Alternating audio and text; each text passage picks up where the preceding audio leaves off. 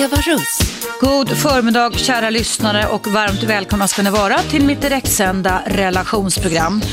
Ja, inga barn i detta land ska eh, behöva vara utsatta för att eh, riskera att hamna i en isoleringscell när de har blivit fråntagna redan sin grundläggande trygghet i hemmet och sen placeras på barnhem, så kallade HVB-hem, hem för vård och boende och där möts av empatilösa, vårdslösa, hjärtlösa och sympatilösa vårdare som lik personalen i Carema-skandalen för något år sedan behandlar barnen som djur.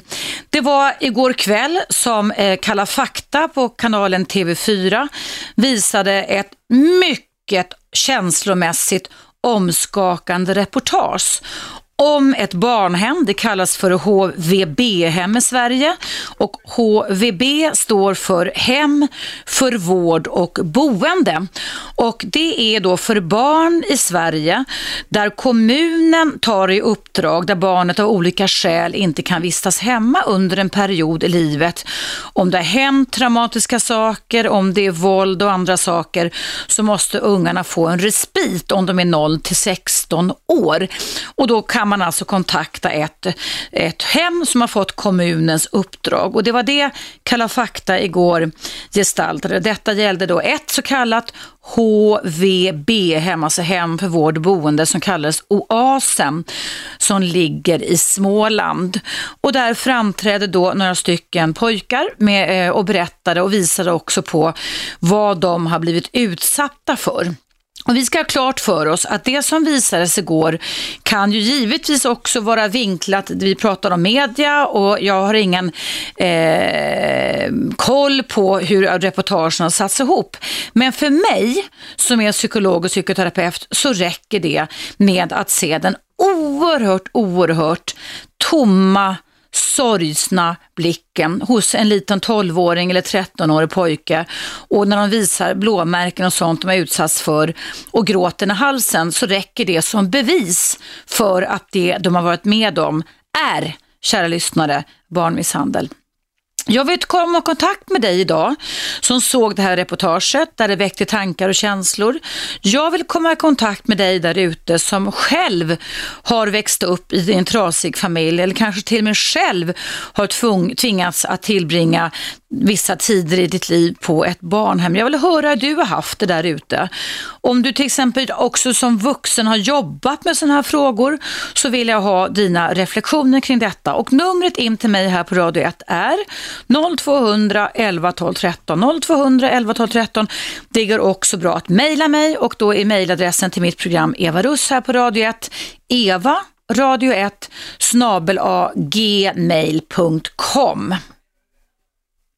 Ja, eh, vad jag eh, reagerar på i detta reportage ifrån Kalla fakta, det var då att man alltså, vi pratar 2013, att man tillgriper världens, på detta HVB-hem Oasen i Småland, att man tillgriper världens äldsta tortyrmetod. Och det är, kära lyssnare, någonting som människor för tusentals år sedan uppfann. Och det är nämligen det som kallas för isoleringscellen. För en isoleringscell, det är egentligen det värsta näst död, dödsstraff som du kan göra mot en annan person eftersom vi är grupplevande människor, eftersom vi mår bra av att relatera, eftersom vi dör av att inte få relatera till andra, så har människan då uppfunnit den onda det mest onda straffet för att försöka kuva andra människor och det är då att man kapar alla möjligheter till vederbörande att få relatera. I det här reportaget igår så pratade de om time-out och jag måste verkligen säga som Gunde Svan en sa att jag får ståpäls när jag hör människor 2013 prata om time-out-rum. Jag får lika mycket ståpäls när jag hört på mitt barnbarns dag, så jag har hört andra dagisföräldrar eh, berätta om att man sätter tvååringar i en time-out-stol. Man ska inte sätta någon unge i en time-out-stol eller time-out-rum, för det enda, det enda som det kan väcka och det kan leda till, det är en förstärkning av barnens redan då djupt aktiverade känslomässiga system. Jag pratar om att det kan bli en förstärkning hos barnen vad det gäller vrede, panik och rädsla. Det är inte så, vare sig det är en tvååring som sitter i en timeout-stol på dagis, som alltså fråntas möjligheten att kunna relatera en kort stund med sina vänner, eller ett barn som kommer från en traumatisk miljö och som ska komma till ett hem som ska representera en trygg hamn, för det är det HVB-hem, alltså hem för vård och boende, ska göra. Så är det inte att bli avkapad möjligheten till relationer, varma och känslomässigt nära relationer när barnet uttrycker starka negativa känslor. För ett barn som varit utsatt för traumata måste få uttrycka eh, starka eh, negativa känslor. Kanske ett sånt här HVB-hem skulle ha ett rum där man likt karateträning eller boxningsträning eller annat fick kasta det porslin som den här eh, vdn som tydligen tjänade 500 000 i månaden innan skatt på detta genom att då eh, anställa människor som beter sig empatilöst, vårdslöst, hjärtlöst och eh, osympatiskt mot de här barnen. Jag tycker detta är förfärligt och jag vill komma i kontakt med dig som kanske själv såg reportaget igår och du som kanske själv varit utsatt för något liknande. 0200 11 12 13 är numret. Nu ska vi se vem som är den första inringaren här till mig på Radio 1. Hallå, vem finns på tråden? Nej. Hallå, vem finns på tråden? Ja, hallå, hallå Eva. Hej, vad heter du? Uh, ja, jag, jag, vill nog inte säga vad jag heter riktigt. Det är lugnt, det är lugnt. Ja. Vi säger att jag heter Kalle. Kalle, det går jättebra. Man behöver inte vara, man kan, alltså man kan vara anonym här, förstår du? Ja, i och för sig skulle jag kunna säga mitt namn. Du måste, nej, nu är det Kalle. Ja, du. Kalle. Nej, men grejen är, jag, jag såg det här reportaget igår också, mm. och eh, man blir ju bedrövad eh, alltså, flera gånger om. Nu har inte jag varit i något sådana hem, utan jag har varit fosterbarn hela mitt liv. Ja. Eh, från ganska tidig ålder. Min mamma var väldigt, väldigt ung på 60-talet när hon fick mig och det var inte lämpligt att vara 17-18 år och få barn då. Så, mm. så hur såg dina första år ut då, Kalle? Ja, men då var, då var det ju... Eh, ja, jag skulle bli adopterad först då, till någon morbror i Kalmar, men det funkade inte. Utan jag var tillbaka i Stockholm och sen hamnade jag på, på Klingstad då, i Danderyd ett tag. Och sen så hamnade det tillhörde jag... landstinget vet jag, mm. Klingstad, eller hur? Jag har vänner som var psykologer där, fast inte på 60-talet då. Var, men var det en slags barnhem då för dig då, Kalle? Eller? Ja, det kan, det kan man väl säga. Men jag har mm. så mycket minnen därifrån. Sen kom jag till ett fosterhem då som Eh, i min värld och, och, och all, alla världar när, när, man tar emot fosterbarn så gör man det av kärlek. Men tyvärr så var det inte så mycket kärlek under de åren som jag bodde där. Jag, Hur gammal var du Kalle när du hamnade i fosterhemmet? Jag, jag, var, jag var nog ja, fyra, fem, ja. sex kanske eh, tror jag. Och, eh, jag, det, det, första som reflekterade med det var ju det att jag trodde att jag var adopterad ända till jag var 14 år. Av dem, så att säga att du hade få, äntligen ja. fått en trygg familj och en trygg hamn? Ja. ja. Men, men, men där, under hela den här uppväxttiden kan jag säga från det ja, att jag var så pass ung, kanske inte riktigt då, men då har det alltid varit fysisk och psykisk misshandel. Så enkelt har det varit hela, hela vägen. Växte du upp då, hade de egna biologiska barn i den mm. familjen där du var fosterbarn? Ja. Ja, det hade de. De hade en, eh, en dotter som var lika gammal som jag själv är. Ja. Och hur började de här övergreppen och misshandeln mot dig då, Kalle? Nej, men alltså det började med att kom man inte hem klockan fem fick man ingen mat och så kom deras dotter hem klockan åtta, hon fick mat och så vidare. Sådana där saker, ja små saker i början då, som man inte tänkte så mycket på. Ja, har du tagit det någonstans så får du ta det hem och hon kunde ringa och de kommer hämta henne gladeligen och så vidare och så vidare. Mycket sånt då. Och sen senare även, även slag och, och sådana saker då. Kom du känslomässigt sett nära någon av dina fosterföräldrar? Nej, äh, ja, alltså den tiden är man ju det. Fram till jag var ungefär 13 år kan jag säga. Då, då började jag så att säga känna att det här, de här är, det här är ingenting för mig. Alltså. Mm. Och sen när, när, jag fick reda på att jag inte var fosterbarn utan då, då brakade det loss ordentligt. Eller att du inte var adopterad för det var det du ville bli, eller hur? Ja, just det. Ja. ja. precis. Jag trodde ju naturligtvis att det var det. Jag, de, jag hade samma efternamn och allting men sen när jag sökte pass, jag skulle på språkresa, det visade sig att jag fanns inte där utan det fanns på ett helt annat namn. Hur reagerar du på det? Ja, ja, då var jag oerhört eh, förbannad först och besviken och sen så du vet, då kommer, nej men jag, vi skulle ha berättat men det var inte läge, bla bla bla bla mm. bla. Och då kände jag någonstans att nej, men skiter de i mig, ja, då skiter jag i dem. Och sen så brakade det iväg och, och så körde man på med allting med, med ut och härja på helgerna, sket i skolan, eh, lite droger Mm. och så vidare och så vidare. Det var ingen som brydde sig. Men eh, my- mycket, mycket fysisk misshandel också på den delen, att man fick eh, mycket spö helt enkelt. Och Usch, sen så förfärligt. psykiska- Och det här psykiska också som, som jag känner. Att de, hade, en de gjorde skillnad på dig och sitt biologiska barn och de hade en väldigt Ja, ja, negativ ja. inställning till dig. Du fick inte det du behövde där heller, så att säga. Du skulle ju bli älskad och omvårdnad och Ja, omtyckt, så att säga. tycker. Ja, men det är det man känner att man vill ha när man... Mm. När, när, när nu mamma... Jag träffade inte min mamma förrän jag var 30 år. Oj då. Mm. Eller jag, jag hade ett minne av henne när jag var 10-11, men det var Mm. enda gången. Och sen så sökte jag upp henne när jag var 30 år. Min pappa dog redan 1965 Mm. när jag var bara 10 månader, så han har jag aldrig träffat. Men du Kalle, om jag bara får veva tillbaka lite. Du, du, du hade en stökig eh, tonår och det är ju klassiskt Kalle, att man alltså blir utagerande när barnet inte får det det behöver. Hur hanterade dina fosterföräldrar dig då? Blev det mera stryk och mera psykisk misshandel? Ja, alltså nej, men egentligen så, så var de rätt likgiltiga utan eh, jag, jag fick ju bara så, så passera och de, de, de, de, som jag kände det i alla fall, att de Mm. brydde sig egentligen inte om vad jag gjorde. Förstår du? Utan jag kunde göra i princip vad jag ville. Mm. Alltså jag kunde vara ute och supa från fredag till söndag utan att någon jävel brydde sig. Jag var 14-15 år och, och åkte in till stan och härjade, förstår du? Du, eh, du är runt 40-50 årsåldern någonting nu eller? Är- jag är snart eh, 49 faktiskt. 49, ja just det. Du, eh, eh, har du möjlighet att stanna kvar över pausen och berätta lite mer om detta eller är, är du på språng eller? Absolut. Nej, men jag kan stanna Är det okej? För vi måste ta en liten paus. Jag vill gärna höra hur detta har, vad det fått för konsekvenser för dig i ditt vuxna liv också, om du kan fundera lite på det. Då, sätter jag dig, då kopplar jag in dig alldeles strax igen, Kalle. Toppen, tack.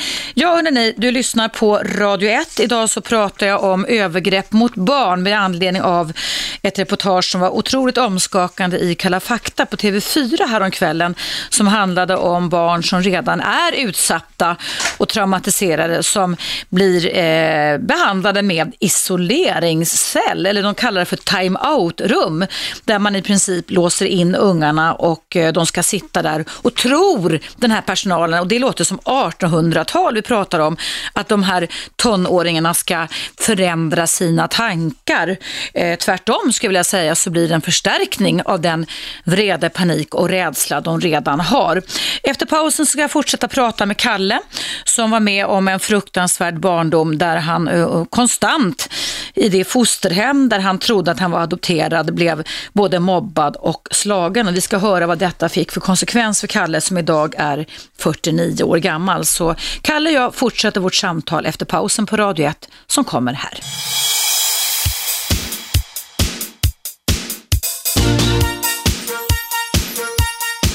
Radio 1. Eva Russ.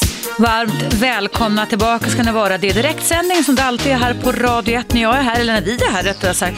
Och idag vill jag höra era berättelser och åsikter om eh, ett reportage som kom i Kalla fakta igår kväll som handlade om placeringen och behandlingen av barn 0 till 16 år som redan är utsatta för våld, hot och traumatiseringar av allehanda slag som förflyttas till en trygg plats tror de. Men icke sa icke, de möts av empatilösa, vårdslösa och hjärtlösa behandlingar. Bland annat har man då infört isoleringscell eller rättare sagt time-out-rum för barn som alltså får kapa relationer istället för att skapa relationer när de är frustrerade och ledsna. Och jag ska fortsätta mitt samtal med Kalle här. Hallå Kalle, är du kvar? Ja, jag är kvar här. Tack ska du ha. Du, vi ska bara berätta här då att du är 49 år idag och var med om ganska många tidiga separationer också innan du som 4-5-åring blev placerad i ett fosterhem där du trodde att du skulle bli adopterad på 60-talet. Mm, precis. Men så var det faktiskt. Och där var du utsatt för både fysisk och psy- psykisk misshandel och en särskild, alltså det biologiska barnet fick en helt annan behandling och bemötande än vad du fick. Mm, det kan man, det kan man nog lugnt påstå. Förskräckligt. Och du blev utagerande. Du, vad hände sen du, under din tonårsperiod när du sen så att säga var utåtagerande? Har du la du av med det här med droger och, så, och, och Ja, sånt? alltså, eller? jag, jag, jag kan säga så här, jag höll ju på, jag höll på, jag, som jag sa, jag började dricka oerhört tidigt. Jag hade kompisar som var betydligt äldre, även som, som höll på med droger, eh, både lätta droger och tunga droger om du förstår vad jag menar. Mm. Så jag var i den här världen, men jag var nog lite feg i början. Men, jag menar, röka hasch och sånt där, det gjorde man väl, men, men det var väl nästan det man gjorde. Men, men, men jag höll på, kan jag säga, hela, hela min skoltid eh, fram till 17 års ålder ungefär. Mm.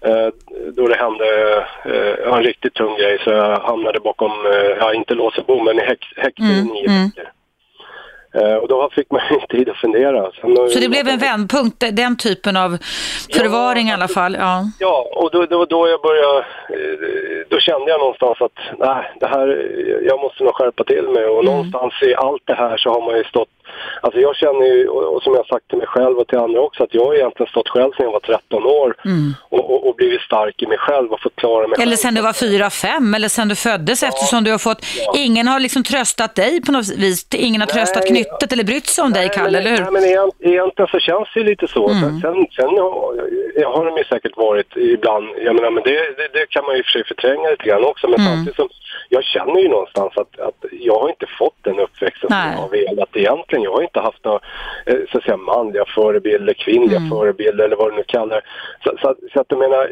jag hade en människa som jag tydde mig till, men, men han körde ihjäl sig tyvärr när jag var 15 år. Oj då. Vem, vem var det då Kalle?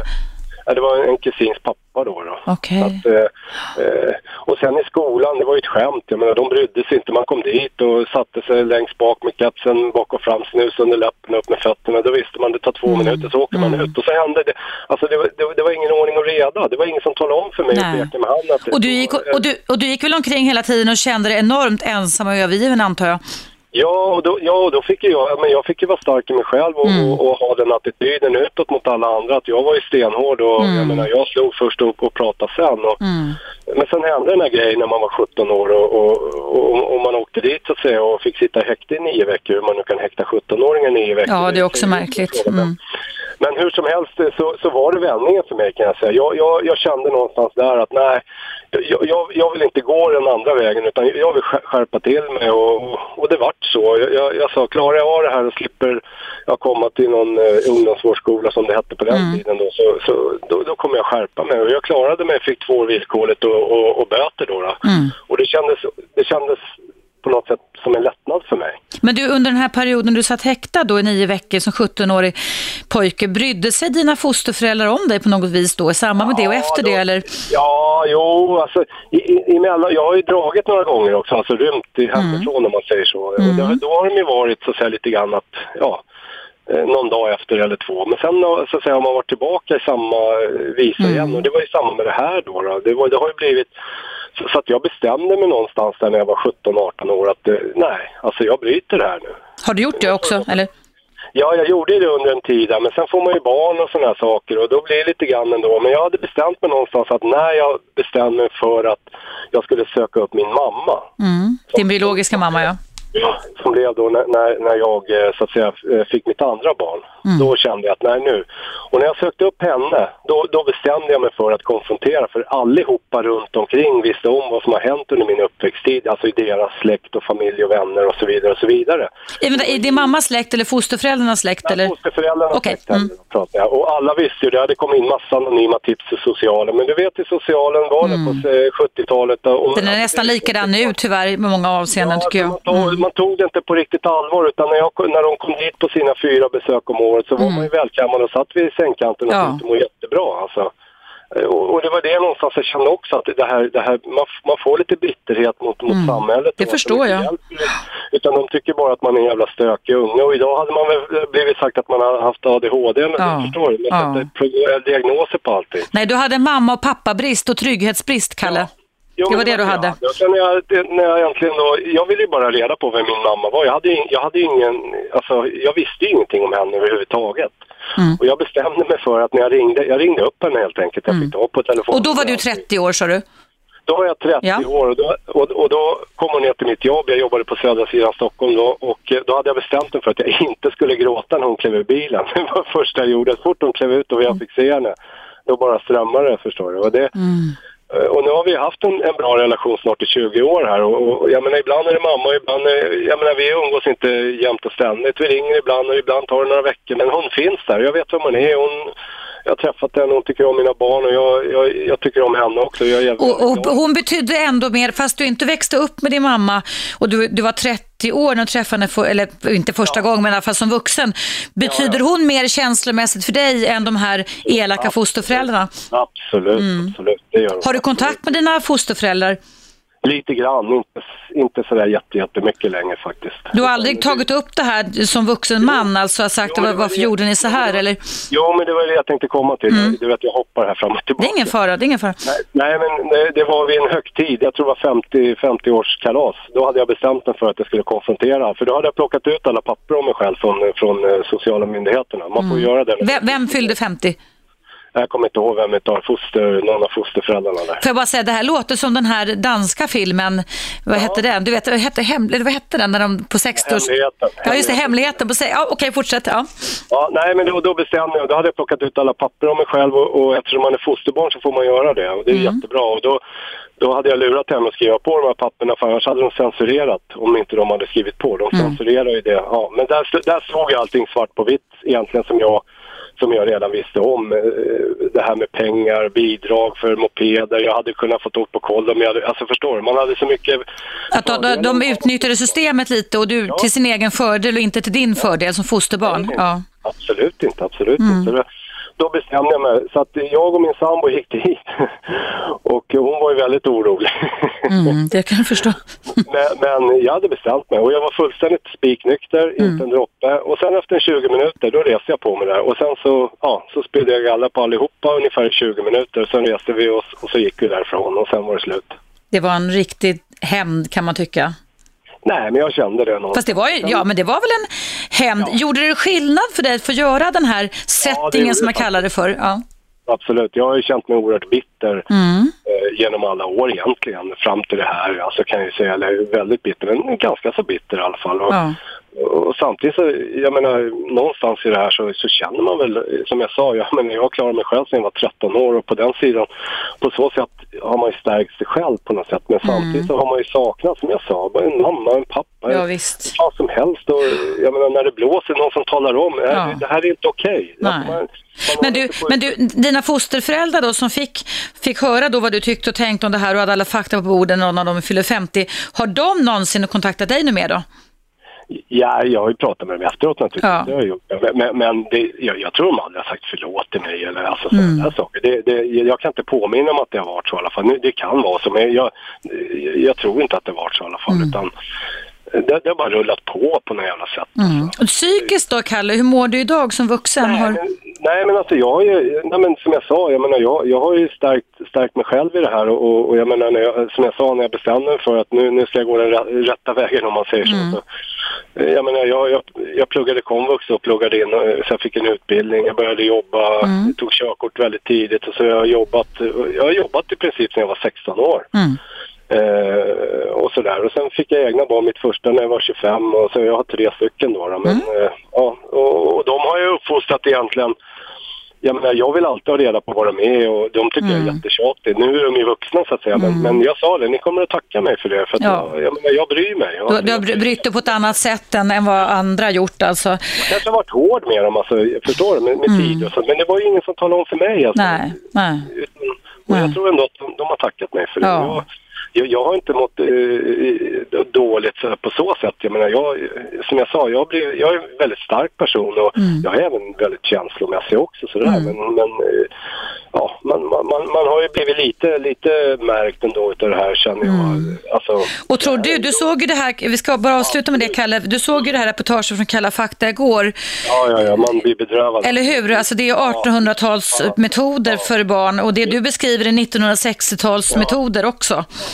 Ja, sen, sen det som man blir mest bekymrad över tycker jag lite grann att de tror inte på barnen vad de säger. Ja. Och, sen, och sen sitter de med 500 000 i lön. Alltså det, du vet, jag går i tag. Du känner igen det lite fast det kanske inte var de, de summorna men hur dina fosterföräldrar summorna, nor- men- norpade åt sig pengar. Nej, så att det där är usch. Oj, oj, oj. Jag, jag, jag lider verkligen med dem. Mm. Vilken fantastisk, vad fint av dig att du kunde stanna kvar så länge Kalle och berätta din historia. Och vad bra att det har gått bra för dig i livet. Jag får önska dig all lycka till resten av ditt liv också. Ja. Ja, jag kanske ska skriva en bok, vi får se. det tycker jag du ska fundera på. Hör av dig hit om inte annat sen. Ja, tack Tack snälla. Kalle, ha en jättebra dag. Hej då. Hej.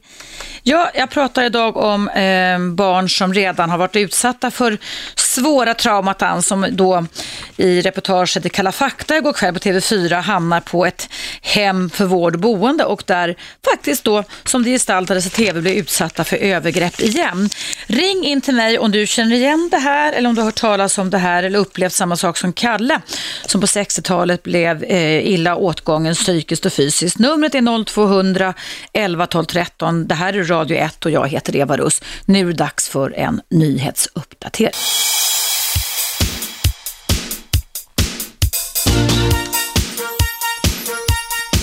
Radio 1. Eva Russ. Jajamensan, det är jag det och idag så vill jag prata med dig om en direktsändning om att inga barn ska behöva i Sverige idag, vi pratar 2013, sitta i isoleringscell, så kallade time-out-celler, när de rycks ifrån sin originala uppväxtfamilj och kanske varit vittnen till både mord och misshandel och andra hemskheter och genom kommunens försorg skall få förses med trygghet och empati och närhet så riskerar alltså flera barn här i Sverige, jag vet inte hur många det är, att hamna liknande det HVB-hemmet Oasen i Småland som Kalla fakta tog upp i TV4 igår kväll. Där stackars, stackars barn under 16 år gamla blir utsatta för övergrepp genom att eh, när de har sina känslomässiga utbrott så kastas de in i vad jag i alla fall gör en liknelse med isoleringscell. Det kallas då för time-out-rum och det finns ingenting som gör mig så förbannad när jag hör talas om begreppet time-out. Det är det dummaste begrepp jag någonsin har hört inom barnuppfostringstermer. Det kommer ifrån de här nanny-programmen som kommer från England där man då tror att en liten ett, två eller treåring ska kunna förstå och jobba i hjärnan med att resonera med sig själv och säga jaha, nu förstår jag varför jag inte får leka med de andra barnen. Därför så får jag bli isolerad på det här sättet. Nu har man inte isoleringsrum för två, treåringar, men på det här HVB-hemmet Oasen i Småland så har man alltså rum där man sätter ungar som faktiskt då, när de mest behöver det, ska ha empati, sympati, lugn, kramar, kärlek, medkänsla. Men det får de inte, utan då känner sig personalen hotad och då ska barnen sitta i time-out-rum. Jag har aldrig hört på något så fruktansvärt sätt att behandla barn på som redan är traumatiserade. Det är ju faktiskt så att det bästa och det finaste som alla barn ska egentligen ha rättighet till enligt barnkonventionen, även fast vi inte kan leva efter den, det är ju ynnesten att få växa upp i en trygg hemmiljö. Nu är det tyvärr så att väldigt många barn inte kan göra det. Men hallå, vi pratar Sverige idag. Vi pratar inte 1800-talsmetoder. Och det är uppenbarligen så, enligt reportaget i Kalla fakta häromdagen, att det är så att det finns människor som inte bara skor sig ekonomiskt, likt fosterföräldrarna till Kalle som ringde in här innan pausen gjorde på 60-talet, utan man också använder sig av hårresande uppfostringsmetoder hos barn som faktiskt just då när de får sina utbrott ska få närma sig andra. De ska få en varm krav, någon som säger vi tycker om dig, någon som lugnar ner barnen istället för att bli relationslösa. Vad tycker du om det här som lyssnar just nu? Vad väcker det för tankar och känslor? Har du varit med om något liknande? Ring in till mig. Jag är här, er relationsexpert i eten på Radio 1, ända fram till klockan 12 idag. Och numret här på Radio 1 är som vanligt 0200 11 12 13. Jag ska läsa upp ett mejl här. Det kommer ganska mycket mejl också in till mig. Jag kan också passa på då att säga att mejladressen till mig, Eva Russ här på Radio 1, är eva radio 1 snabel gmail.com. Det här mejlet är ifrån Marie. Det står så här. Hej Eva, glad jag blir att du tar upp detta. Igår såg jag tv-programmet i Kalla fakta och blev så nedstämd på grund av minnen kom tillbaks, kom tillbaks från den tiden jag bodde på barnhem 1991 i Falun. Men kan ej minnas namnet på hemmet. Usch, skriver Marie, vad jag blir ledsen nu och arg. Personalen blåneka när mamma tog upp och hon vart förtvivlad när ingen hjälpte oss. Det var SOS i Mora som skickade oss dit och de ville inte veta av vad som hände. Usch vad arg jag blir nu. Har lust att anmäla dem men minns inte namnet på varken personal eller hemmet. Tack för att du alltid är på barnens sida. Sverige som så gärna vill framstå som världens bästa land för barn, men fy vad skenet bedrar. Tack Marie. Det, jag beklagar att du har fått vara med om detta på det här barnhemmet, men jag tror faktiskt inte att det är för sent. Du hörde ju kanske Kalle som ringde in här nu som kunde leta upp handlingar. Jag vet ju inte länge hur länge sådana här journaler eller handlingar sparas. I min värld, det kommer ju nya regler, så är det tio år när man kommer till mig som psykolog och psykoterapeut. Men jag vet ju inte om det kan finnas, det kanske skulle vara värt Marie att rota i det här, precis som Kalle gjorde för en egen skull, att kunna liksom få reda på och säga från och sätta ner en fot och säga så här gör ni inte mot mig. Ju fler vi är som säger ifrån så kommer vi också att kunna förändra. Vi pratar alltså 2013, vi pratar om ytterligare en vårdskandal.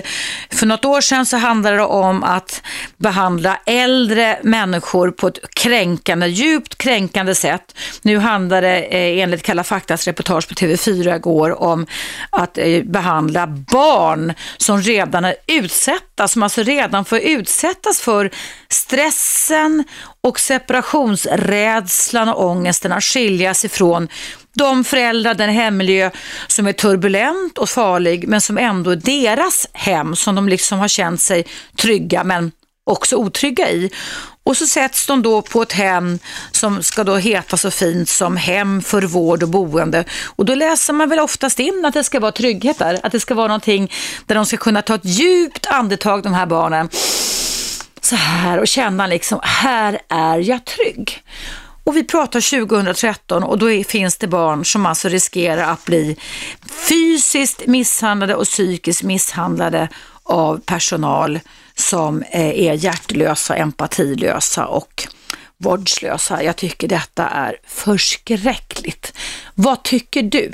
Ring in till mig. Numret är 0200 11 12 13 och berätta vad det här ämnet väcker för tankar idag. Och ämnet handlar alltså om att inga barn i detta land idag ska riskera när de fråntas sin hemmiljö och med kommunens försorg sätts i ett HVB-hem att bli utsatta för isoleringscell. Det kallades då time out-rum och jag har aldrig hört något så fult begrepp på någonting som är en timeout. I idrotten när jag jobbat förut så var timeout någonting positivt. När man alltså skulle sätta sig själv och fundera lite över vad vill jag göra resten av mitt liv. Och det här, här har man då förväxlat i sådana här vårdboenden för barn och även i nanny-uppfostringsmetoder där man tror att barn som verkligen just då och protesterar behöver närhet och kärlek och omvårdnad ska bli eh, ja, lena som lamm, som Lambi nästan och det är helt fel pedagogik, för det kan jag med min kompetens säga, finns inte en chans att ni gör de här barnen mjuka och behagliga, tvärtom, så kommer det här väcka ännu mer vrede hos dem på kort och på lång sikt. Ja, det är dags för en paus på Radio 1. Jag heter Eva Russ och numret om du vill diskutera det här med mig idag är 0200 11 12 13.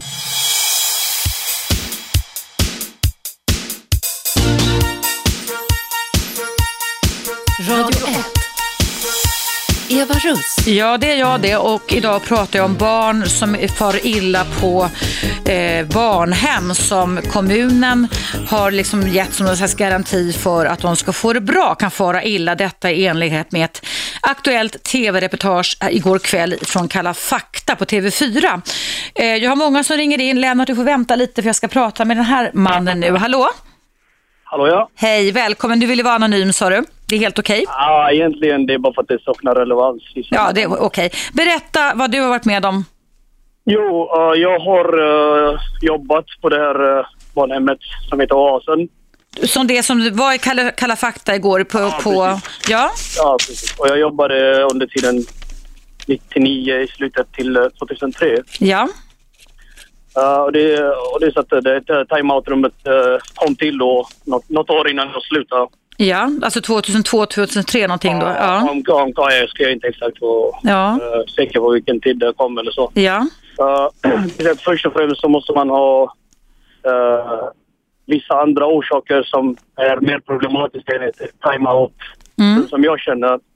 Och det är, och det är ju en del, uh, en del av problemet att de här personalen som jobbar där ja, börjar med mig bland annat. Vi hade ju absolut inga uh, bakgrunder, ingenting för att kunna jobba med barn. Ni fick ingen, hade ingen utbildning kan man säga då, eller? Nej. Alltså inte från början. Nej. Man fick väl eh, se lite, man fick väl lära sig lite grann och hur man ska hantera vissa saker och Ja. så vidare.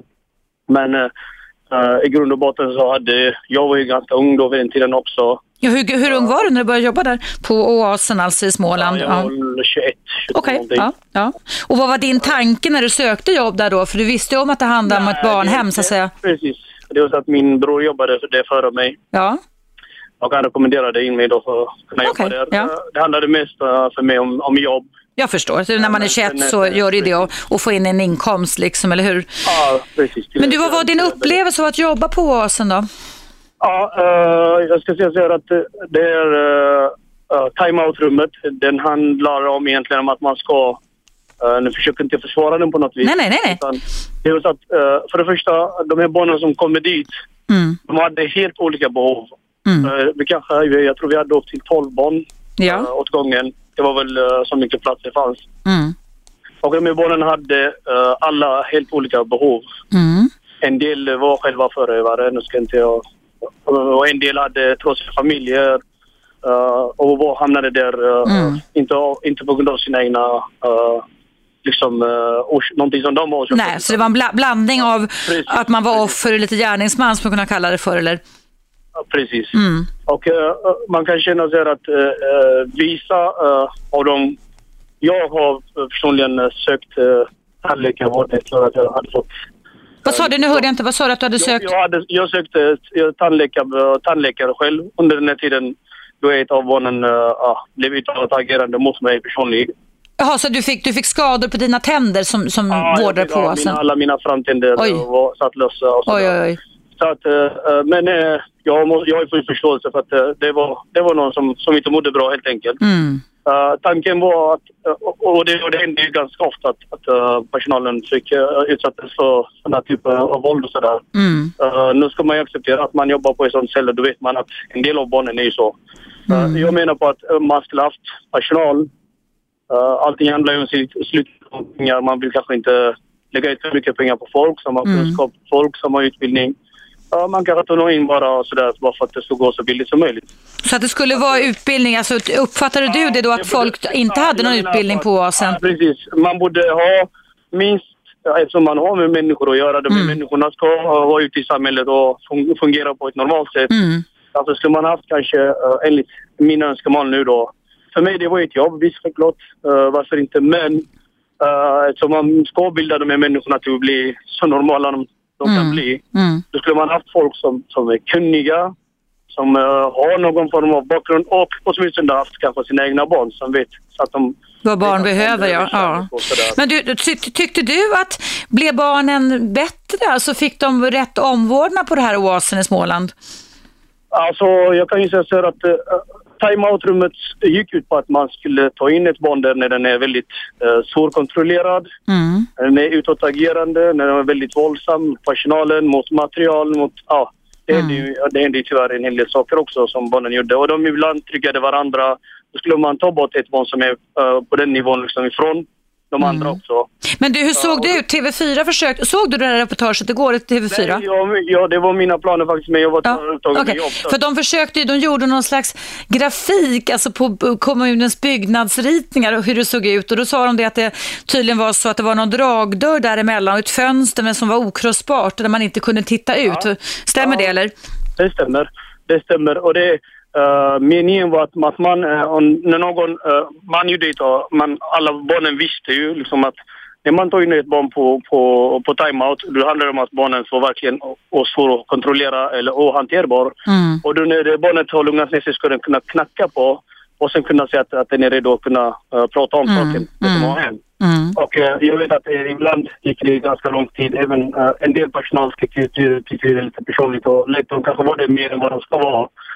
Vad sa du, att, barnen var i timeout-rummet mer? En del personal kanske tog det så personligt att, att de blev så arga på ett barn. Kanske att de kanske lät dem vara det alldeles för länge. Ja, det är det jag menar. Men, att, att personalen blir, börjar göra subjektiva värderingar. Alltså det, man ska ju vara ganska objektiv när man försöker hjälpa barn som har problem, precis som du är inne på, eller hur? Precis. Och jag, och jag, jag kommer inte ihåg att jag liksom... Uh, jag, ibland när man var lite mjuksnäll mot något barn, då fanns det liksom regler om att man ska inte meka med barnen och hit och dit. Och, inte leka med barnen? Det är väl det de behöver, man, eller hur? Man ska meka, alltså man ska inte vara så här, hålla på och mjuka och fjäska med dem hit och dit, utan...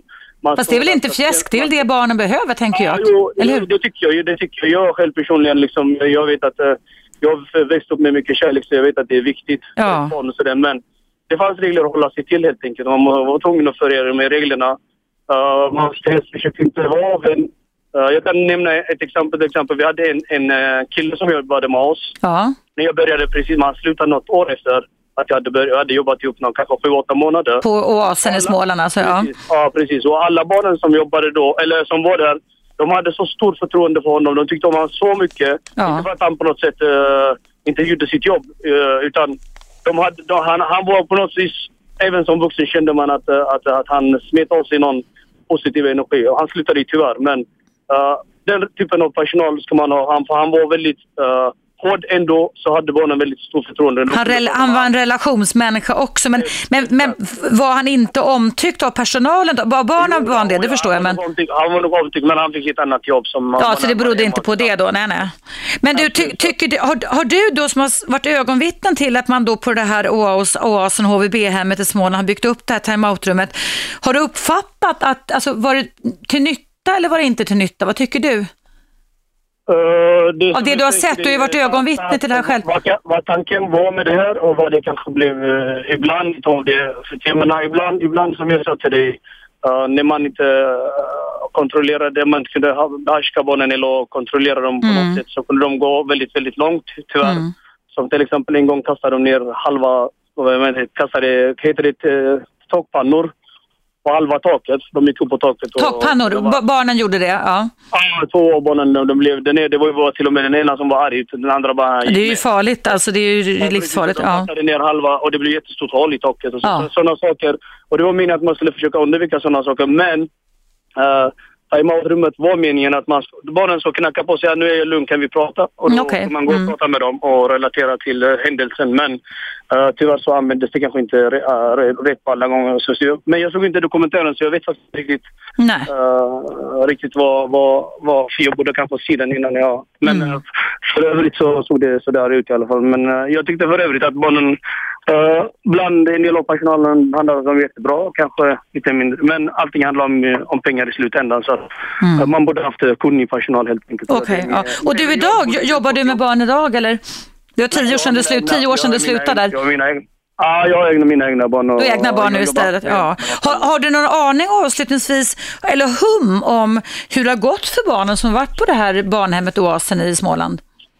Uh, inte ens just nu faktiskt inte om någon. Jag Nej. har ingen aning om, om hur, hur det har gått alls. Vi kan väl hoppas kanske att precis som du som har jobbat på Oasen, att, att några som eh, har varit på Oasen i Småland skulle kunna ringa in till mig också. Eller hur? Ja, det är även någon av barnen kanske som ja. hörde det här. Så var det ju bra. Ja. Du, tack så jättemycket för denna förstahandsinformation. Det var fantastiskt fint att du ringde in och berättade om detta på om Oasen på Småland. Tack så hemskt mycket. Hej då, hej. Eh, ja, det var alltså eh, en man som har jobbat på Oasen i Småland eh, mellan 99 och 2003 som eh, berättade om det här timeout-rummet som han var med om och eh, som jag uppfattade det så var det då eh, användes det inte så som det egentligen skulle göra och vad han själv tycker som då har behandlat de här barnen där nere det var då det att det borde finnas mer, äh, mer kunniga vårdare där nere som eh, hade mer kunskap om det här. Men time-out-rummet då som det gestaltades då i Kalla fakta går, det skulle alltså handla om att barnen sätts i den här isoleringscellen för att lugna ner sig, att de sen då skulle få knacka på, på dörren och säga när de var klara med det. Personligen tycker jag i egenskap av psykolog och psykoterapeut att det fortfarande är åt helvete, måste jag faktiskt säga. Jag brukar inte svära i mitt program, men jag tycker faktiskt att det är det. Sådana där eh, Timeout rum ska inte finnas någonstans. Eh, barnen behöver andra sätt, men okej, okay, det har funnits där och jag uppskattar din generositet, du som ringde in och berättade hur det var med arbetsförhållandena på Oasen i Småland. Så kan det vara när man har direktsänd radio. Vi kommer snabbt ut till våra lyssnare. Eh, nu är det så att eh, Lennart, du får lov att vänta över nyheterna här, för det är nämligen dags för nyheter. Du lyssnar på Radio 1.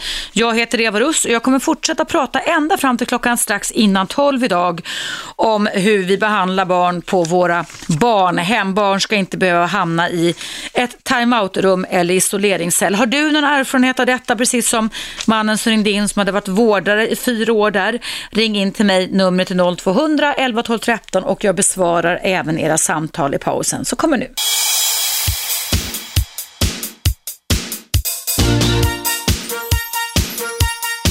Radio Eva Russ. Mycket välkomna tillbaka ska ni vara. Det är direktsändning och jag pratar idag med anledning av att TV4 hade ett program som heter Kalla fakta igår kväll som handlade om hur man behandlar redan traumatiserade och kränkta och misshandlade barn på ett HVB-hem, hem för vård och boende som heter Oasen i Småland.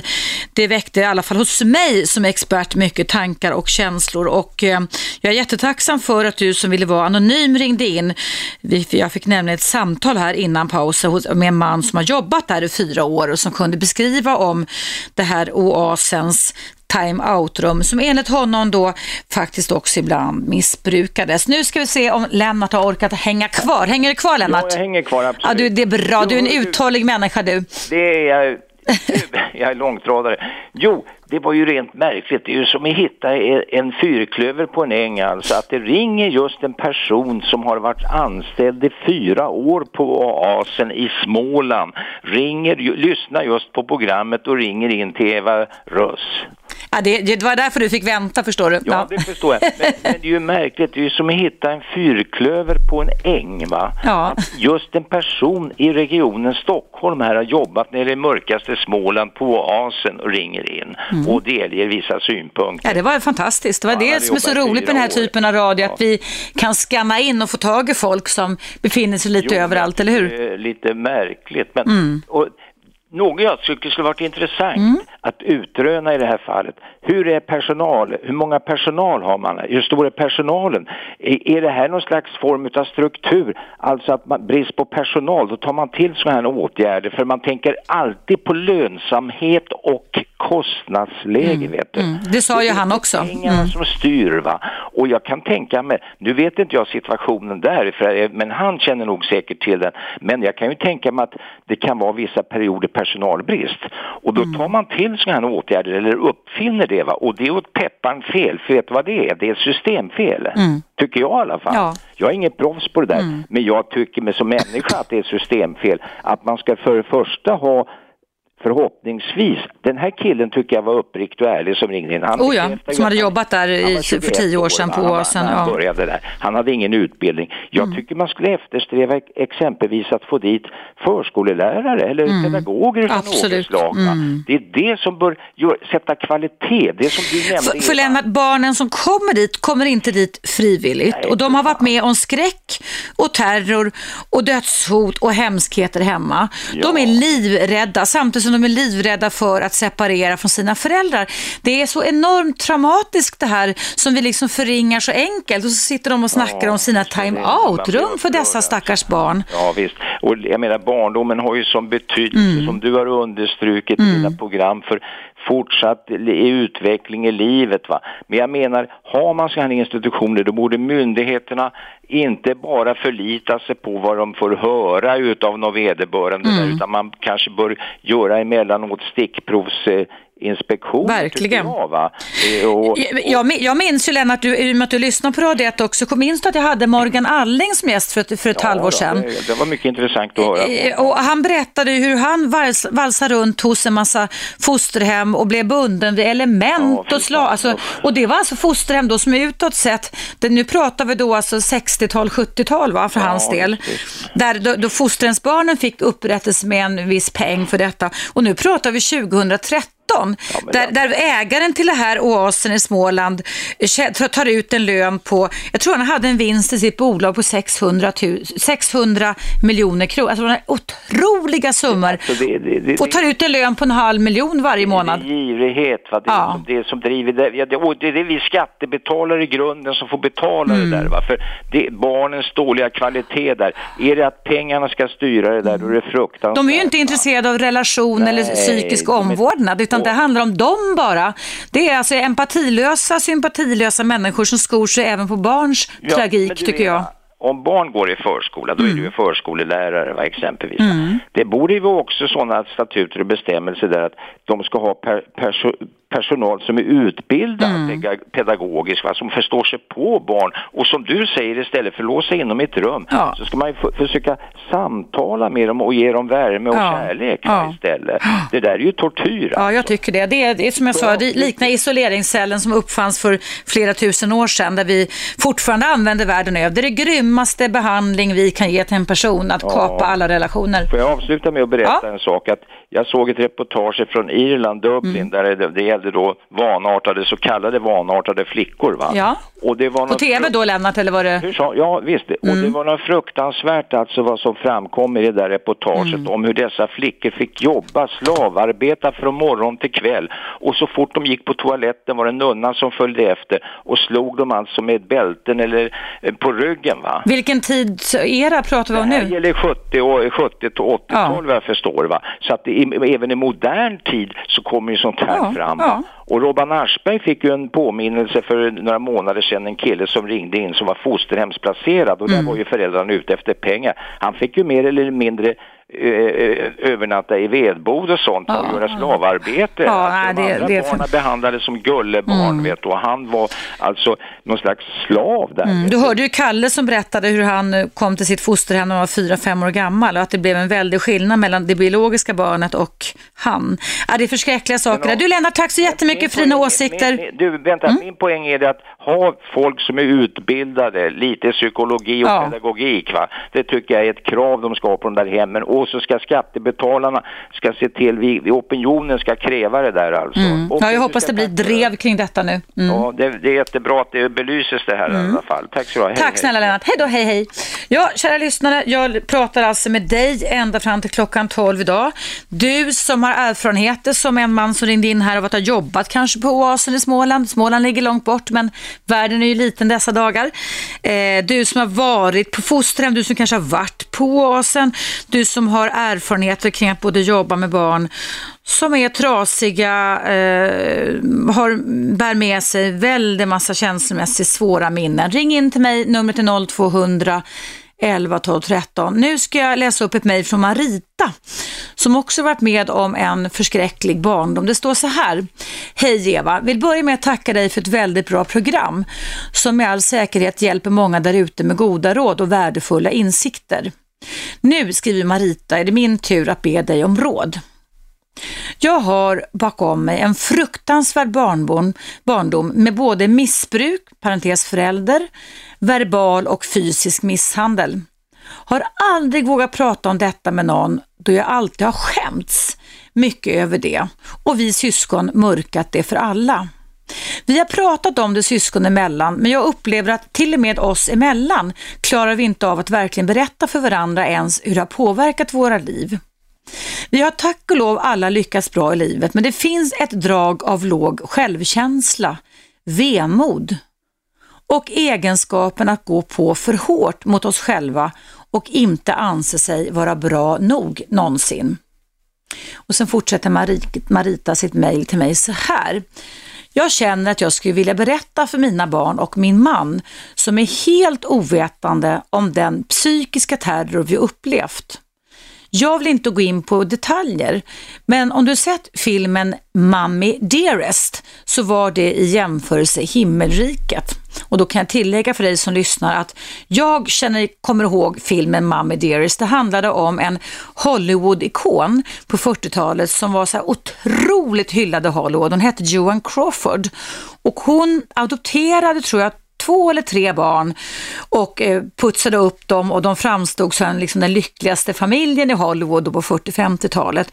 Sen visade det sig då att den här mamman, Joan Crawford, som då gestaltas i filmen Mammy Dearest, var en riktig jävel, alltså en riktig psykopatmamma som konstant misshandlade sina barn, men som satte på sig det här Hollywood brilliant leendet liksom i tv. Och det är en av hennes barn som också har skrivit en bok, Mammy Dearest, som sen då blev en film. Och det är det Marita som har mejlat mig eh, ja, berättar om. Det var en liten utvikning från mig då. Eh, så Marita skriver då att hennes barndom var, eh, när hon har sett filmen Mommy Dearest med Johan Crawford, så var det i jämförelse himmelriket. Så att Marita har haft det värre än Johan Crawfords barn. Och så skriver Marita avslutningsvis så här. Jag förstår att det kanske inte är bra att barnen får veta, men känner samtidigt att det är dags att berätta det som har tyngt mig hela mitt liv. Vad tycker du Eva? Barnen är i övre tonåren, snart myndiga. Mm, tack Marita. Vad starkt och strångt av dig att eh, du mejlar till mig och det du beskriver om din barndom, det är så klassiskt. Nämligen den att man, det är ni, det är ju era föräldrar som borde gå omkring och skämmas, men istället så är det ni som går omkring och skäms och liksom vågar inte berätta om det här.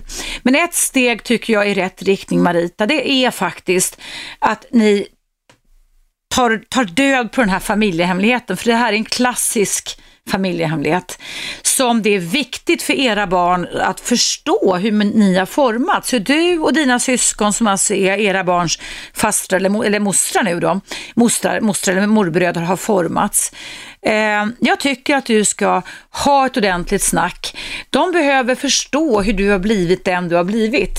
Och det kan bara ge mer närhet, tänker jag, och mer förståelse för vilka strävanden du har haft i livet, vad du har fått utstå.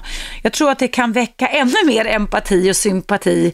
Nu verkar inte ni ha någon brist på det, men jag tror att det här är jätteviktigt att inte gå omkring med en så pass stor familjehemlighet. Så ta mod till dig och gör det som du har gått och längtat efter avslöja istället för att hålla hemligt. Och var tillgänglig för dina tonårsbarn Marita, för det kan ju vara så att de inte fa först fattar vad du berättar.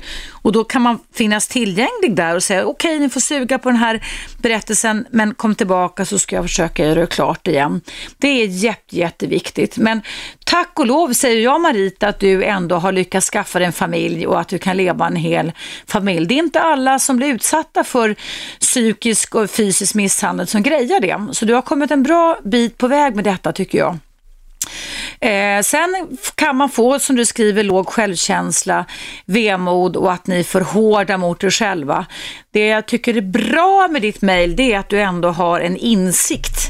Att du kan se lite med distans på dina egna egenskaper och när man har kommit så pass långt så kan man också förändra dem faktiskt.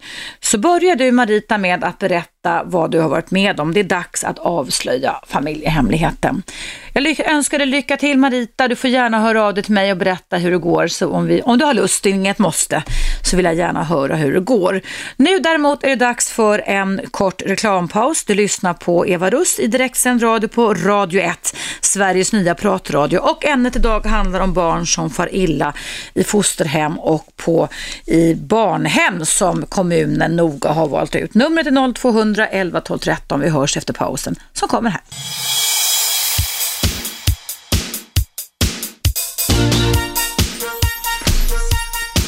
Radio Eva Russ. Mycket välkommen tillbaka ska ni vara. Idag så pratar jag om att barn som redan har varit utsatta för kränkningar och misshandel och traumatiska erfarenheter 0 till 16 år som hamnar i alla fall i ett av, av ett, ett barnhem av kommunen utvalt hem. Jag pratar om ett reportage i Kalla fakta som sändes häromkvällen i TV4 och det handlade om ett HVB-hem, hem för vård och boende som heter Oasen i Småland. Har du erfarenhet erfarenheter från det barnhemmet. Har du erfarenheter av andra barnhem?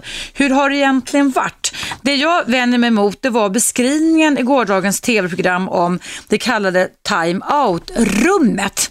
Sen eh, fick jag kontakt här idag med en man som ville vara anonym som har jobbat på Oasen i Småland 99 till 2003.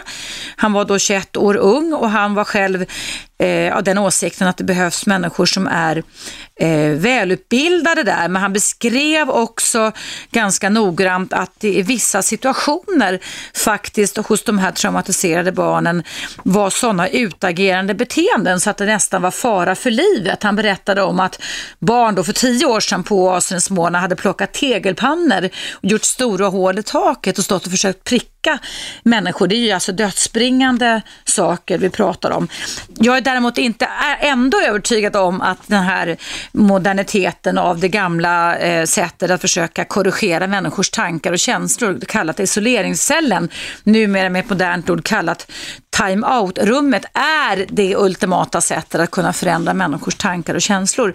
Jag är nämligen av den åsikten att jag tror att det kommer att väcka mycket, mycket mer av vrede, panik och rädsla hos barn och ungdomar som redan har fått uppleva alldeles för mycket vrede, panik, rädsla och känslomässig otrygghet. Vad tycker du? Ring in till mig eh, 0200 11 12 13. Jag fick ett mejl från Krille som skrev så här. Hej Eva, jag skulle gärna få en förklaring varför ett time-out-rum inte är bra. Jag försvarar det inte utan vill mest veta vad man gör istället för att stänga in barnen. Ja, Krille, det kan jag tala om för dig. Jag tycker då att det här time-out-rummet som det gestaltades då i TV4 var som en isoleringscell, alltså med fönster som är okrossbart som man inte kan se ut igenom och där barnen då mer eller mindre låstes in som det framställdes i TV4s reportage häromdagen. Och det handlar då alltså om att barnen då vet att de då måste kastas in, leds in där när de är för överagiterande, överexalterande, gjort någonting jäkligt dumt.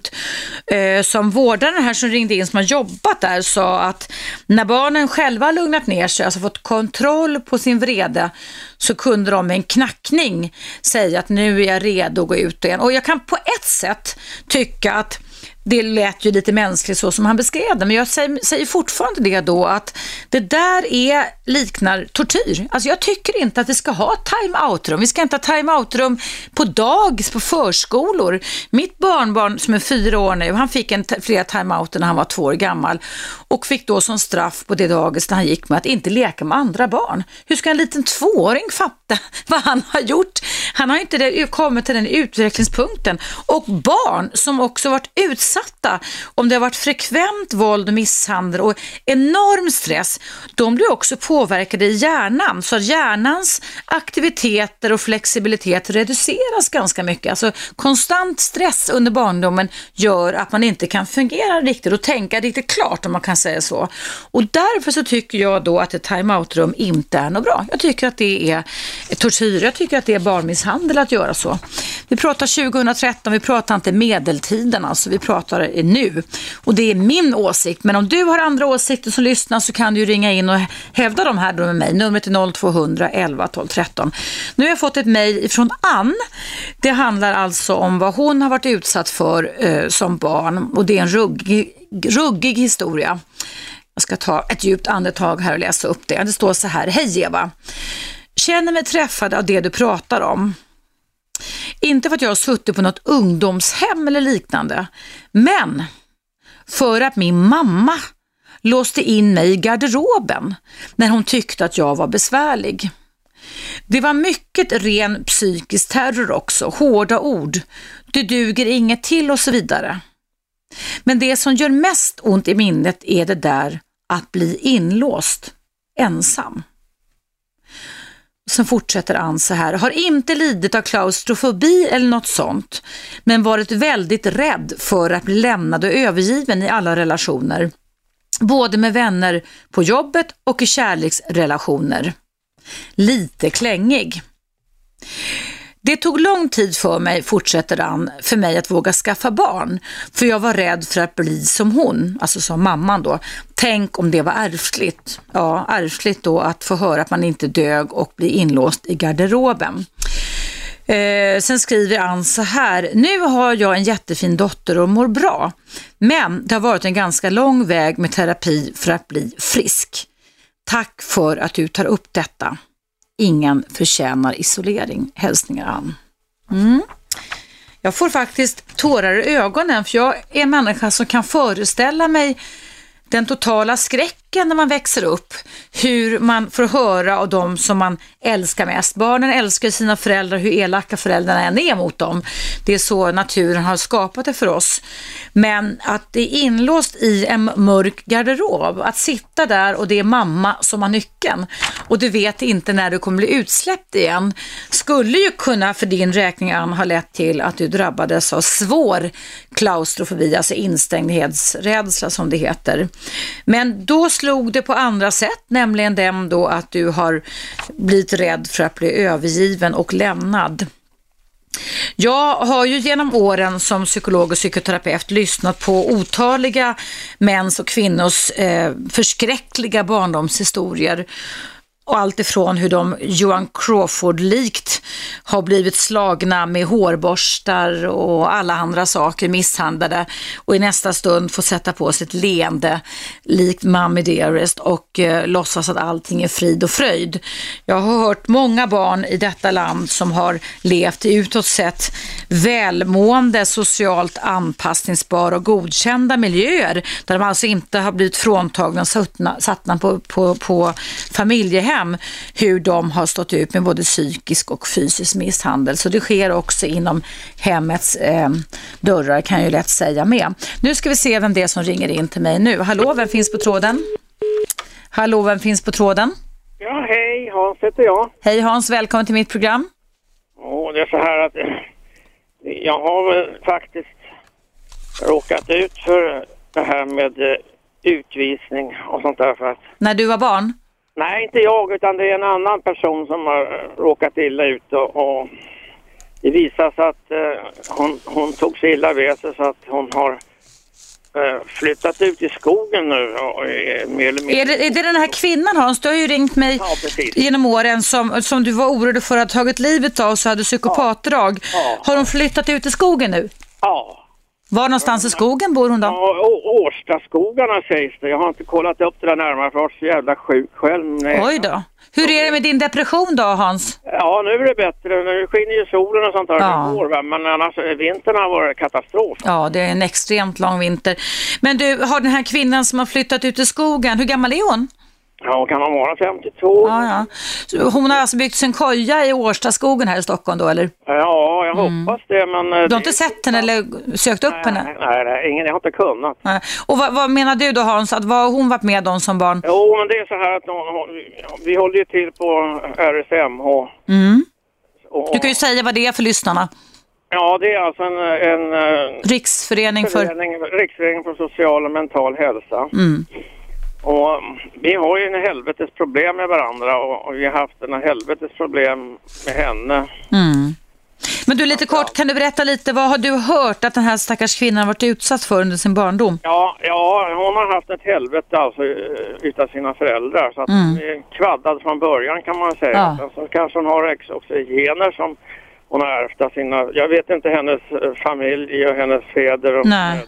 hur det är där. Men det kanske, kanske är fel där med. Va? Så dubbelfel helt enkelt. Det kan bli dubbelfel, det kan bli trippelfel också faktiskt. Ja, och nu är det tråkiga det att eh, hon har alltså fått eh, en hård behandling eller felaktig behandling även på RSM. Mm. Vi är inga, inga specialister. Nej, jag vet. Mm. glada amatörer som försöker hjälpa varandra. Mm. Men det gör ni så fint. Det tycker jag är fantastiskt att ni gör, ja, vi, vi Hans. Försöker, va? Men nu har det blivit så pass fel ändå. Va? För hon ja. är så svår. Alltså, ja. Nu har hon... Eh, helt enkelt eh, blivit skogstokig och, och flyttat Ni kanske skulle kontakta organisationen eh, Missing People? Ja, jag tänkte på det. det jag bara fick den idén, om du, eftersom du är orolig, för det är ju någon slags vän till dig som var med i den här föreningen RF, ja. Ja. Eller hur? Tänkte faktiskt Missing People. Ja, de verkar ju hitta de allra flesta människor, både levande och döda, så det verkar ju vara bra. Du Hans, tack så jättemycket för att du ringde in. Vi måste ta en liten paus här på radiet. Det var kul att höra att du lever, att du mår lite bättre nu. Men jag förstår att de som har anlag för depressionen måste ha mått jättedåligt. Det har ju varit vinter sedan i oktober känns det som nästan här i Sverige. ja, ja. Förskräckligt alltså. Jag, jag har inte anlag för depressionen, men jag har nog känt mig ganska påverkad av mörkret med. Så att även om det är svinkallt idag så var det i alla fall soligt. Det får, man- det är man får vara glad för de små framstegen som kommer, eller hur? Ja, och sen influensa och förkylning om man på det. Alltså. Ja, nej fy fasiken. Du, kurera dig och, och keep the good mood up Hans och eh, kontakta Missing People, okej? Nog Så hörs vi. Får du berätta sen hur det går. det. Ja, Tack snälla Hans, ha det jättebra. Hej då, hej hej. Hörrni, det är dags för en nyhetsuppdatering. Du lyssnar på mig, Eva Russ. Och i dagens direktsända relationsprogram så vill jag fokusera på människor, ni vuxna, ni barn som varit utsatta för vanvård, psykisk och fysisk misshandel, kanske då på ett barnhem liknande Oasen som det gestaltades i går, gårdagens TV4-program Kalla fakta. Men det kan ju också gälla andra upplevelser ni har haft. Hur har det blivit? Hur har det påverkat er? Hur har ni gått vidare? Numret i pausen som du kan ringa in är som vanligt här på Radio 1 0200 11 12 13.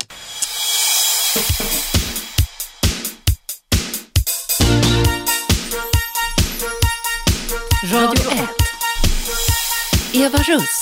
Varmt välkomna tillbaka. Ja, idag pratar jag om ett ämne som berör mig och jag tror att det berört väldigt många här i Sverige, nämligen när barn som redan har farit illa ska fortsätta att föra illa när de genom kommunens försorg hamnar på ett barnhem. Det var reportage i gårdagens Kalla fakta TV4 om HVB-hem, hem för vård och boende för barn 0 till 16 år.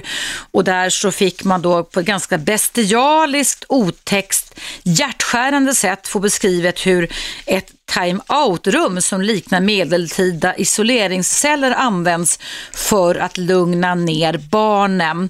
Har du några erfarenheter, du som lyssnar på mig just nu, kring vanvård på barnhem och annat? Ring in till mig, numret 0200 11 12 13. Ju mer vi för upp till ytan sådana här saker som sker, desto mer förhoppningsvis kan vi förändra bestialiska sätt att försöka korrigera barns beteenden på. Time-out anser jag är ett begrepp man bara ska använda positiva ordalag. Det är när man ska ta sig en funderare på vad man vill göra med resten av sitt liv. Eh, time-out ska inte användas vare sig på förskolor. Det finns alldeles för många personal här i Sverige som har blint gått på nanny-tanterna från Englands time-out. Time-out hit och time-out dit skrota det begreppet på förskolor och skrota det begreppet också på barnhem. Det är stackars barn som har levt i en oskyddad miljö och som sen då ska eh, tuktas alla medeltiden genom att hamna i, i, i time-out-rum. Fy och usch, jag tycker detta är förskräckligt. Vad tycker du? Numret är 0200 11 12 13. Nu ska vi se om det är någon som tycker något här. Nej, det... Hallå, vem finns på tråden? Hallå? Hej, välkommen till Eva Russ. Vem pratar jag med? Ja, hej. Eh, Det här är Kristin. Jag eh, har en liten tanke om det där med förskolor och timeout. Ja, kör. Eh, Jag jobbade, har, eller jobbade, just nu är jag sjukskriven och väntar barn. Och, Oj då. jag Ja. har jobbat ja, i förskola och där är timeout för mig.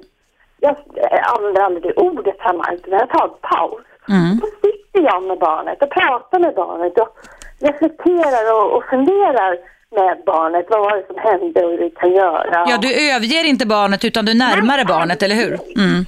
Aldrig någonsin ett argt eller ledset eller irriterat eller barn. Aldrig ska man lämna det. Jag är exakt av den samma åsikt som dig Kristina. Det är ju det som är så koko när man ser sådana här reportage och hör talas om det, eller hur? Ja, och det tar, en paus för mig är så här, kom nu tar vi en paus. Vad var det som hände? Eller i det, hur kan vi göra det bättre? Vad kan vi, vad kan vi se framåt? Hur kan vi göra istället nästa gång? Och det är en paus eller Mm. time-out för mig. Tyck, uppfattar du Kristina att det här är spritt på förskolor? Det här miss, missbegreppet om time-out för småbarn? Nej, jag uppfattar det så här att de flesta, och då har jag jobbat på flera olika ja, arbetsplatser. Mm. Och då uppfattar jag att ett barn blir väldigt argt eller börjar kasta, alltså Mm. beter sig på något sätt, ja då går personalen därifrån och säger att ja, ja, du får komma tillbaka när du är glad igen eller Mm. du får komma tillbaka när du kan bete dig. Och så bara lämnar de barnet tills, ja, även om det är ett år eller tre eller Ja, det, det tycker jag är fr- fruktansvärt. Det är liksom, Mm. Det, är- det, är- det, är den, det är så man gör, det är så alla gör. Ja, men vadå, jag kan väl inte sitta där och hålla i det barnet när det är så Jo, det, det är ju det man ska göra. Det är precis det man ska göra. Och bara sitta Trösta och barnet. och bara, jag är här, jag sitter här, jag tänker inte lämna dig. Jag Mm. håller i dig tills du, tills du kan komma tillbaka och vi kan Ja, prata, vi kan vara och vi kan sitta tillsammans. Jag tänker inte lämna dig. nej. Om du märker så blir jag väldigt upprörd över Ja, det blir jag också. Mm.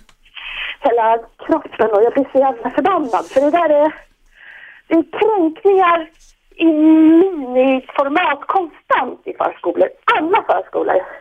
Mm. Och det är fruktansvärt att se. Och det är, ja, nej.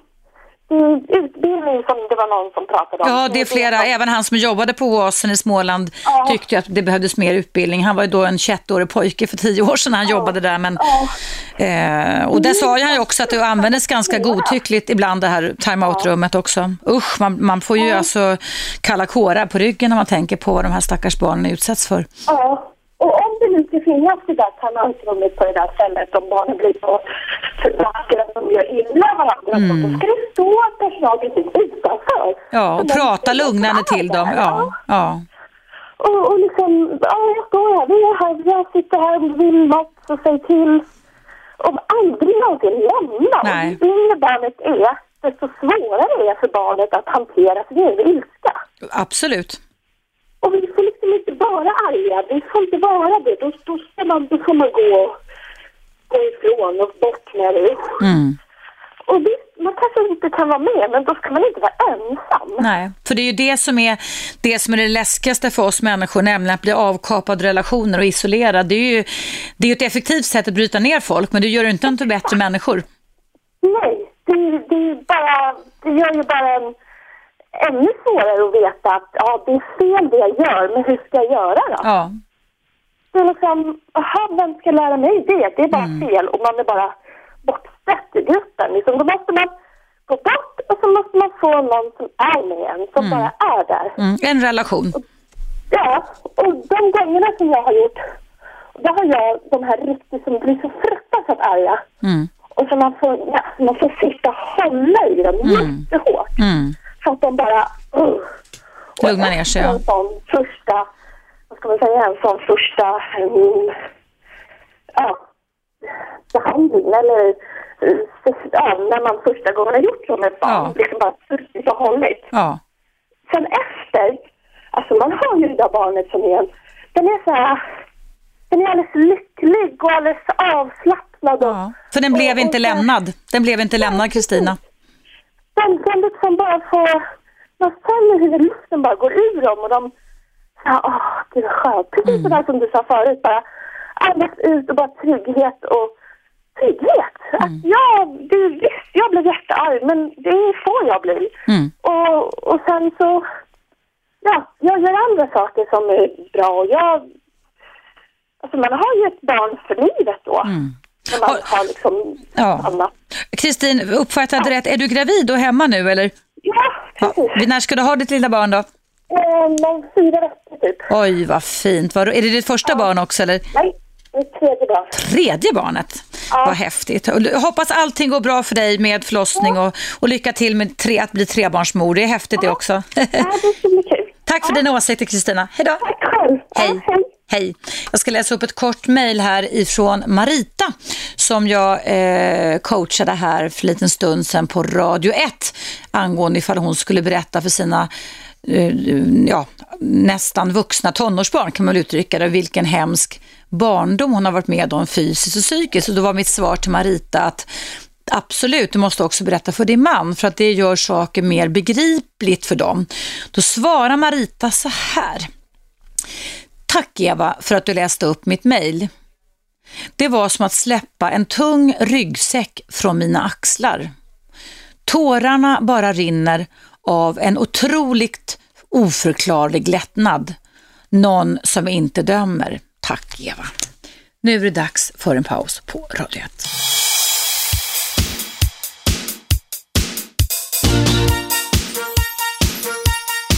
Radio 1.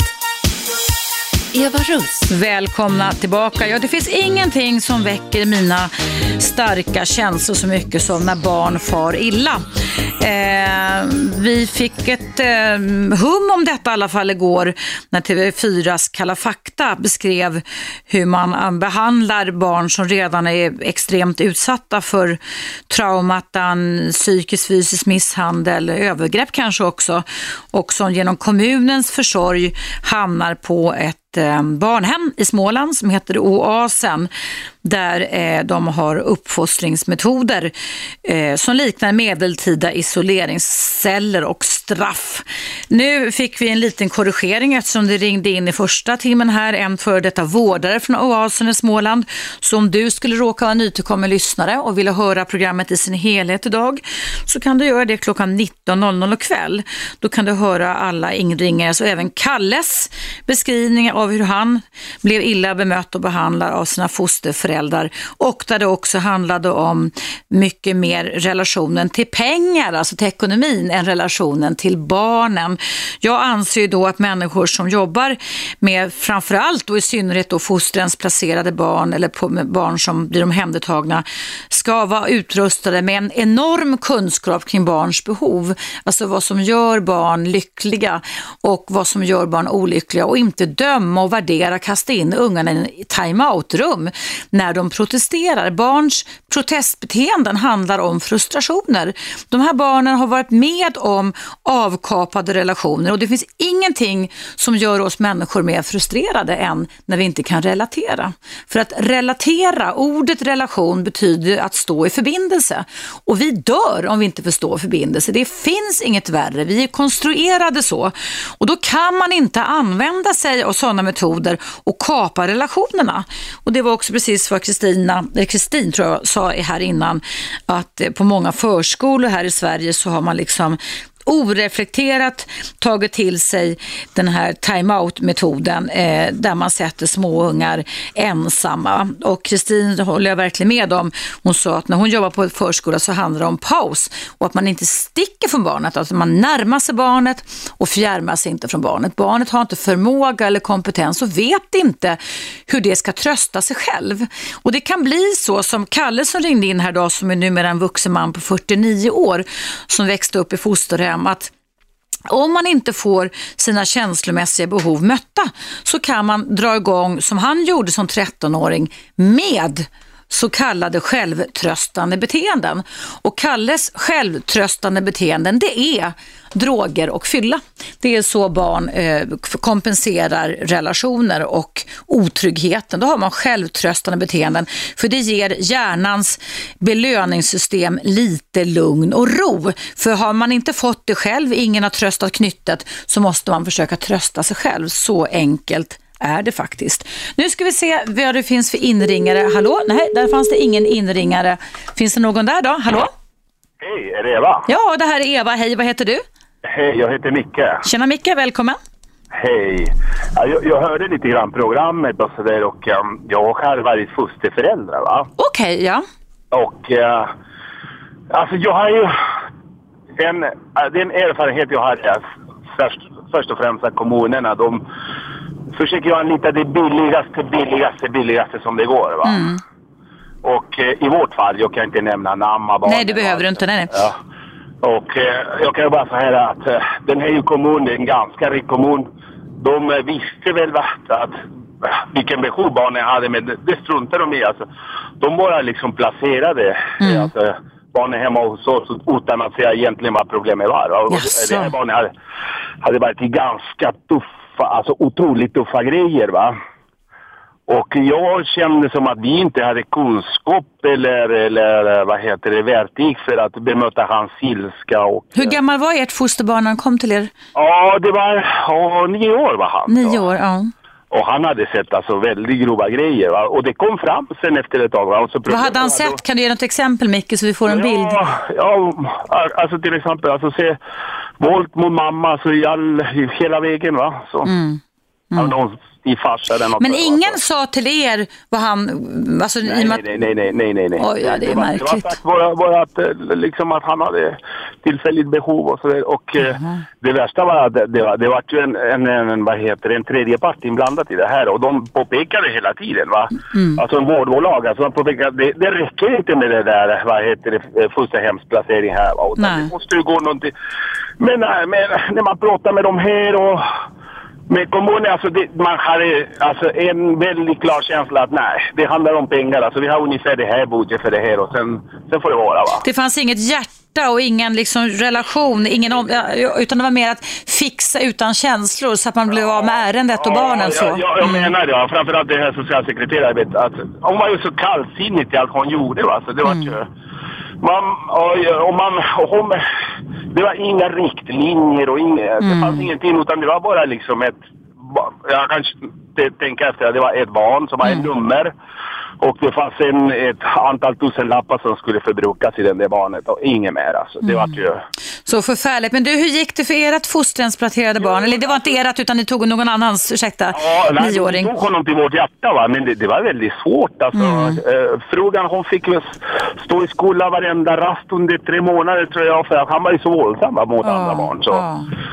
Fick ni ordning på honom då? Känslomässig ordning på pojken? Ja, alltså, jag försökte alltså, ge honom så mycket kärlek som det gick och, liksom, och ge honom liksom, rutiner och sådär. Va? Mm. Men sen eh, ibland blev han lite våldsam och, och, och det, det gick inte att kontrollera. Och så, och så, igår så gör ju asen liksom att eh, när, när han såg sådär, den där gubben, när, när de intervjuade honom. Men, Ja, du såg på TV4 Kalla fakta igår. Ja. Ja, ja, ja, inte just det, utan jag såg intervjuet på, på vad heter det, på Ägaren till det hela. Ja, jägaren till Sundén, det. ja. Alltså, Men vad gör du ibland alltså, när de kommer och slänger något Ja, mot det? Och, och jag förstår honom lite grann i det. Alltså, det, alltså, det går inte när de är så okontrollerbara och, och de ser bara en svarthund eller Mm. ingenting att stå framför barnen och förklara grejer. De lyssnar inte. Alltså, Nej, de, de berättade, du, jag vet inte om du hörde det Micke, men det var en vårdare som har jobbat för tio år sedan på Oasen i Småland som berättade att barnen stod och grävde stora hål i taket och kastade tegelpannor.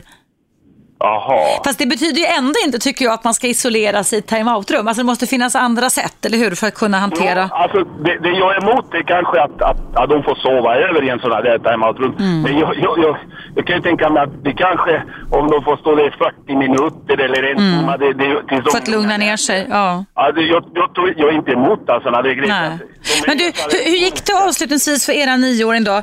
Fick ni ordning på honom och har ni någon relation till honom idag, nu, ni som var fosterföräldrar? Har en otroligt bra relation alltså med, men det har inte gått något bra om man säger så. Va? Inte? Utan problem, nej, problemen fortsätter alltså. Men hur länge var han hos er pojken då? Ja. Ja, han var ju sex, sju månader sedan där någonstans. Så. ja. Så Det, det, och, det var ju annat också som var som gjorde att, eh, vad heter de här sekreterarna liksom inte, inte vill väl att liksom fortsätta ha honom hos oss. Va? Så, så det, men jag, jag ansåg alltså klart och tydligt att för många av de här människorna som jobbar med, de är så härade av alla de här situationerna. ja, man blir ju det. Ja. Ja, så de bara, de bara ser ett nummer på lillpojken. Alltså, Ja. Det är det som är så förfärligt. Du, Micke, avslutningsvis, har ni tagit, du din fru, an er fler fosterbarn? Efter denna nioåring? Ja, efter det här erfarenheten har vi tagit en paus faktiskt. Att Ja. det ju, vi, vi har ju en, en väldig relation till honom. Och så vi, vi, vi har varit där och lämnat julklappar och han kommer ibland och leker med vår, med vår pojk. Va? Ja. Men det är ju... Alltså det känns lite... Alltså det sliter faktiskt. Det, det sliter. Hur, hur gammal är fosterhemsplacerade pojken idag då? Ja, han är, han är ju ett år äldre nu än... Jaha, det var alldeles nyligen detta skedde Ja, alltså? Okej, ja. ja, ja. Ja, nej men du Micke, tack så jätte- jättemycket för att du lyssnade på Radio 1 och tack för dina berättelser. Den var intressant att få kött och ben så att säga på fosterhemsföräldrarnas roller och problem också givetvis. Ja. Men det du, du, du sätter fingret på som många andra har gjort som har ringt in idag, det är ju det att det behövs kompetens, alltså utbildning. Och det verkar ju inte klokt om kommunen agerar som så som du sa, som ett nummer och som man vill att man bockar av liksom, de här barnen man men placerar. Det, det, är, det är ungefär sådär. Alltså. Ja. Det ju, och det, riktlinjerna, nej. Det är ju... Det, det verkar som att det inte finns alltså. Mm. det, man, man, de ändrade plan och allt efter va, Eftersom man tyckte väl, man, man kände liksom att, att det fanns ingen. Och så och i, den inblandningen till så här, få barnet till BUP eller något sådär, det var, det var inga, eh, inga konkreta åtgärder utan det var Nej. så, så, så länge det gick lugnt så det, det skedde de alltså. Aha, ja. Ja, det var en intressant historia att berätta, men nog så viktig. Du ska ha tack för att du lyssnade på Radio 1 och för att du ringde in också, Micke. Ha en bra dag. Tack detsamma. Hej då. Hej, hej. Ja, hörrni, det börjar lida mot sitt slut. Ja, jag ska hasta iväg till min tv-inspelning nu, så vi ses imorgon mitt igen då, Kim. Det gör vi, Eva. Eh, tack för idag. Jag vill tacka alla er som har lyssnat på mig och alla ni som har ringt in. Tillsammans gör vi det här programmet så bra som möjligt. Vi hörs, jag och alltså Eva Russ och du imorgon igen klockan 10.00 igen. Hej då så länge. 101,9 Radio 1. Sveriges nya pratradio.